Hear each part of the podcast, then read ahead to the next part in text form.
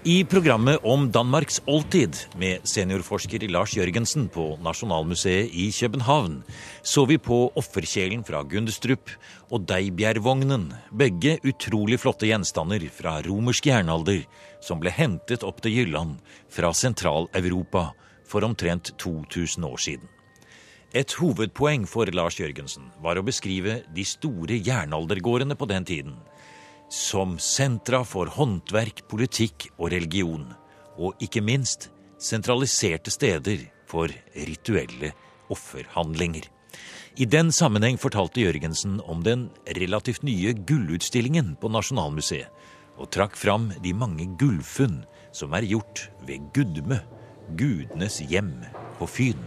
Altså, vi har bl.a. flere skatter med deler fra kostbare sverd. Og for eksempel ser du det, man kalder for mundblik, som har siddet på mundingen af, af sværskederne, af massivt guld og med dekorationer i filigran og granulation i øh, den meget, meget fint guldarbejde. Så er der de, en række små knopper, som faktisk er to ringe, der er smedet sammen. Og det er symboler, de har siddet på toppen af sværfester. Og det er symboler på den, skal vi sige, ed og troskabsid, der er indgået mellem en hirdmand og så hans fyrste. To ringer smidd sammen, ja. en, et edsymbol. Ja, det er en ed, en ed ja. Og dem har vi faktisk tre eller fire af ved Gudme. Og det er den største koncentration af dem, vi har i Skandinavien. Så nedenunder på glaspladen nedenunder, der ligger den største guldskat, vi overhovedet har for dansk jernalder.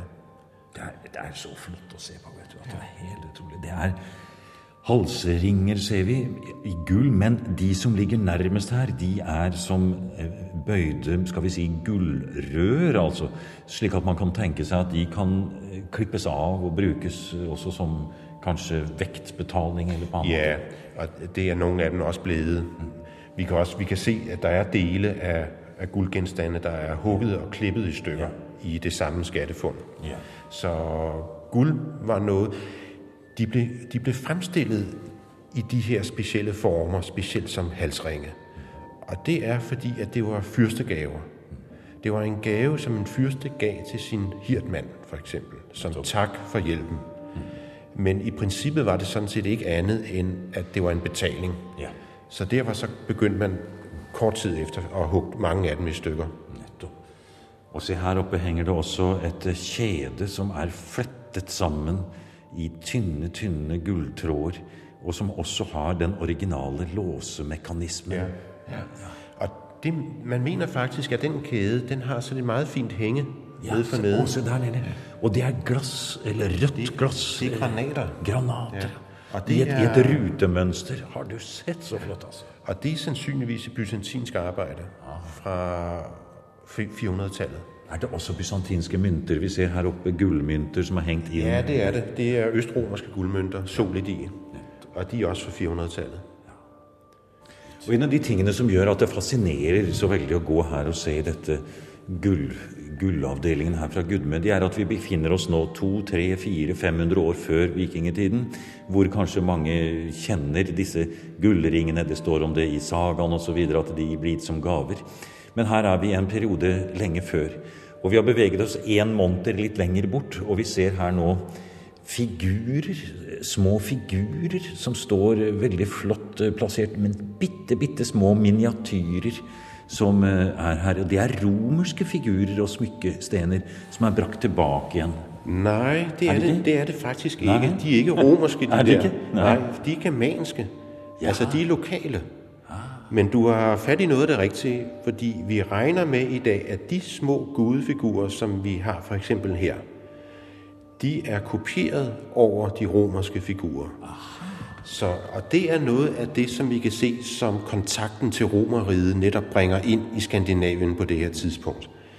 Det er, at vi begynder at få dele af, skal vi sige, det romerske miljø ind.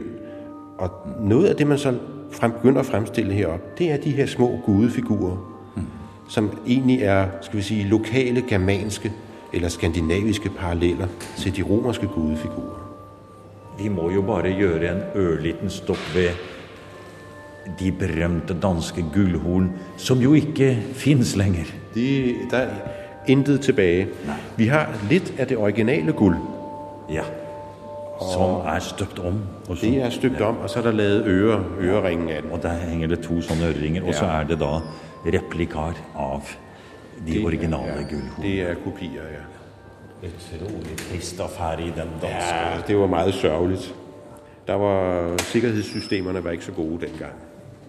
De to gullhornene er blant Danmarks aller største historiske ikoner, nesten på linje med vikingskipene i Norge. Den store forskjellen er jo selvsagt at vi har skipene, mens de berømte gullhornene er borte for alltid. Hornene var ganske store, med en samlet vekt på til sammen 7,5 kilo, og var rikt dekorert og åpenbart ment som blåseinstrumenter i religiøse opptog. Man tror at hornene ble laget på 400-tallet, og de ble funnet i Syd-Jylland i 1639 og 1734. Så hornene var i nesten 200 år Danmarks store stolthet fra oldtiden. Men så ble de altså stjålet og smeltet om etter et innbrudd i Nasjonalmuseet i 1802. Og det har vi aldri kommet over, sier museumsinspektør Lars Jørgensen. Og vi fanget godt nok øh, tyven. Han ble fanget. Han hed Heidenreich. Men og man fikk også litt av det originale guld tilbage. Det hadde han gemt i bag et chatol. Så der kom et par kilo retur. Men hvad hedder, alt var blevet smeltet om. Der var intet tilbage af de originale horn. Hva slags eh, straff fikk denne Heidenrich? Han ble idømt liv, fengsel på livstid. Så, og jeg mener også, han døde i fengselet, faktisk. Ja. Og jeg tror, han sad der omkring 40 år, inden hun døde. Og her, eh, selvfølgelig, så måtte gullhornene være med i denne utstillingen når man snakker om gullskattene i Danmark, men da selvfølgelig som kopier laget etter samtidige tegninger og nøyaktige eh, Som vi også ser eksempler på her, disse originale tegningene i en veldig flott bok om gullhornene her, som vi ser. Ja. Det var så heldig at etter de var blitt fundet, så de lærte i 1600-tallet og 1700-tallet, hvor hornene, de to horn dukkede op, de lå den faktisk aftegne. Og vi har nogle rimelig gode illustrationer af, hvordan de sandsynligvis har set ud. Og vi ser her, når vi går og ser nærmere på Det er første gang jeg har sett denne veldig detaljerte tegningen av hva som var figurene og mønstrene på gullhornene. Og det er jo figurer som vi faktisk kan dra kjensel på fra både det skytiske gull og fra enkelte faktisk bronsealderristningsfigurer også. Altså et, et slags eh, Og vi ser sirkelen der på den halen til det dyret der som man kjenner fra bronsealder også.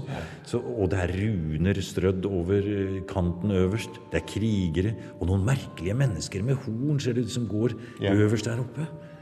Det er, det er nokså fascinerende å se denne bildeverdenen. Det er, det er fuldstændig riktig. og der, og der er store dele av den billedverdenen vi ikke forstår. Der er neppe noen tvivl om, at det, som de her billedscener, de viser, det er egentlig det er fra den nordiske mytologi. Og personen med de store horn, du nettopp nævner, der har vi faktisk avbildninger fra smykker, hvor vi også har en person med hjelm og horn, der afsluttes i fuglehoveder. Og der regner vi med i dag, at det må være guden Odin. Og de fuglehoveder, som afslutter hornene, det er hans to ravne, Hugin og Munin.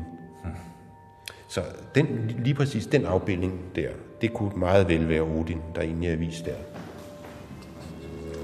Du har nå hørt en podkast med ekstramateriale fra Museum NRK P2. Museum sendes i NRK P2 på lørdager klokken 16.03 og søndager klokken 08.03.